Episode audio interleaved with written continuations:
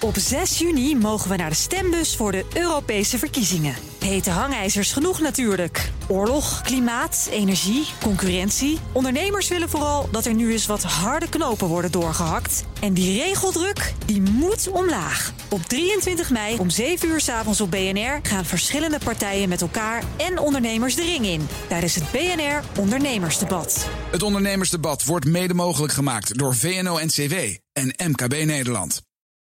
De column van Marianne Zwagerman.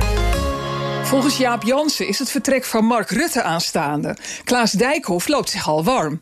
Jaap leidt het af uit de witte sneakers die Dijkhoff onder zijn kostuum droeg tijdens de algemene politieke beschouwingen.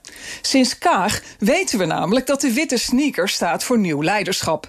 En Rutte treuzelt wel erg lang met het doorhakken van de knoop over zijn politieke toekomst. Hoeveel aanwijzingen hebben we nodig? Onder Dijkhoff gaat de VVD het allemaal anders doen. Eerlijke handel, een sterke overheid en minder afhankelijk van China. Onder eerlijke handel noemde Dijkhoff Google en Facebook als voorbeeld. Het is bekend dat VVD'ers graag Netflixen tijdens de Kamerdebatten. En Dijkhoff had zeker net ook de Social Dilemma gekeken. Oud-medewerkers van Facebook en Google waarschuwen in de documentaire voor de gevaren van de verslavingsindustrie uit Silicon Valley. Alleen drugsverkopers en softwarebedrijven noemen hun klanten users, zegt een van de klokkenluiders. Dat zou al genoeg moeten zeggen. Dijkhoff wil opkomen voor de lokale krantjes en websites... die er straks niet meer zijn... omdat al het advertentiegeld naar Google en Facebook ging. Sympathiek, maar een jaar of tien te laat. Het FD is de enige krant van betekenis... die nog in Nederlandse handen is. De rest is al overgenomen door buitenlanders. Vorige week gingen zelfs de Friese overstag. De regionale kranten in Noord-Nederland zijn ook ingelijfd op Belgen. Als de fractieleider van de grootste partij het nou meent, kan hij vandaag nog regelen dat Rutte en Hugo de Jonge Facebook niet meer aan miljoenen views met de bijbehorende advertentieinkomsten helpen. Met livestreams van de persconferenties en live gesprekken met kritische Nederlanders.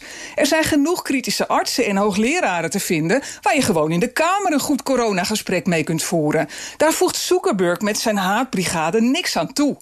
En als je nou echt naar de jonge mensen wilt luisteren, kijk dan even op Instagram. Daar is sinds gisteravond hashtag ik doe niet meer mee trending. Want de kids willen vrij zijn. Free the people, schreeuwt Famke Louise tegen haar 1 miljoen volgers. Alleen samen krijgen wij de overheid onder controle, zegt Famke. Zij doet niet meer mee aan coronamaatregelen die niet uit te leggen zijn. En geef haar eens ongelijk. Je gaat bijna vermoeden waarom Dijkhoff ineens wakker schrok... en tien jaar te laat krantjes wil redden. Maar de people zijn al free.